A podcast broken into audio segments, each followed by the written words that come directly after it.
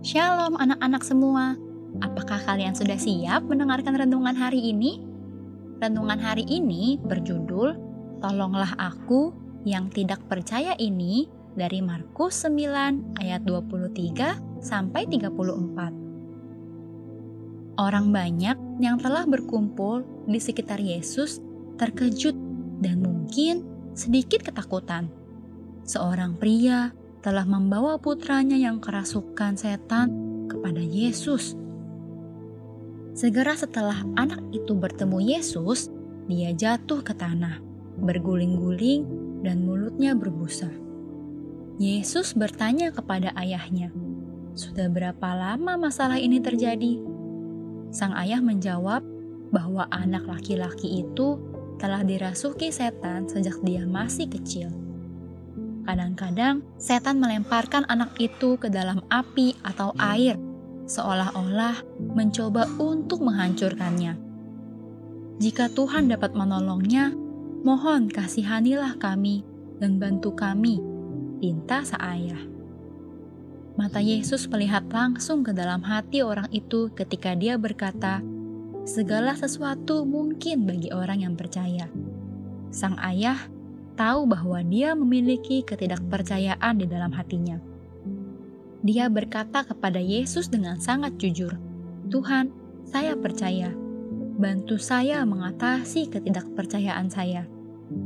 Yesus menegur iblis itu dan menyuruhnya keluar dari anak itu. Dan dengan tangisan yang mengerikan, itu terjadi. Untuk sesaat, semua orang mengira bocah itu sudah mati.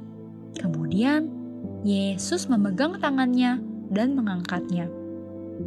Dia disembuhkan, bebas dari iblis mengerikan yang telah menyiksanya sepanjang hidupnya. Apakah ada sesuatu dalam firman Tuhan yang sulit kamu percayai? Tuhan berkata, Dia tidak ingin ada yang binasa, tetapi semua orang harus bertobat. Dalam 2 Petrus 3 ayat 9. Tapi Mungkin kamu telah berdoa untuk kakek atau teman yang belum diselamatkan selama bertahun-tahun. Sepertinya tidak ada yang terjadi, namun Tuhan berkata, Dia akan menyelesaikan pekerjaan baik yang Dia mulai di dalam kamu ketika kamu diselamatkan. Filipi 1 ayat 6 Kamu dapat mempercayai firman Tuhan. Jika kamu meragukannya, bahkan sedikit, akui ketidakpercayaan kamu kepada Tuhan. Sama seperti ayah dalam Markus 9 yang tadi teman-teman sudah dengar, katakan pada Yesus, Tuhan, saya percaya. Tolong saya yang tidak percaya ini. Tuhan dapat dan akan mengubah keraguanmu menjadi iman. Percayalah selalu kepadanya, setiap saat, di mana pun kamu berada. Amin. Tuhan Yesus memberkati.